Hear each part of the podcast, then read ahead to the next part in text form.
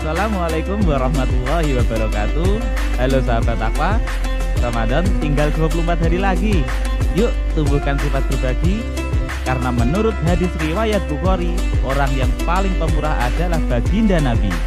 Terlebih saat Ramadan menghampiri Beliau lebih pemurah dibanding angin yang sepoi-sepoi. Jadi perbanyak amal setiap hari Terutama di bulan suci. Mari terus memberi untuk meraih ridho ilahi dan pastinya surga akan menanti.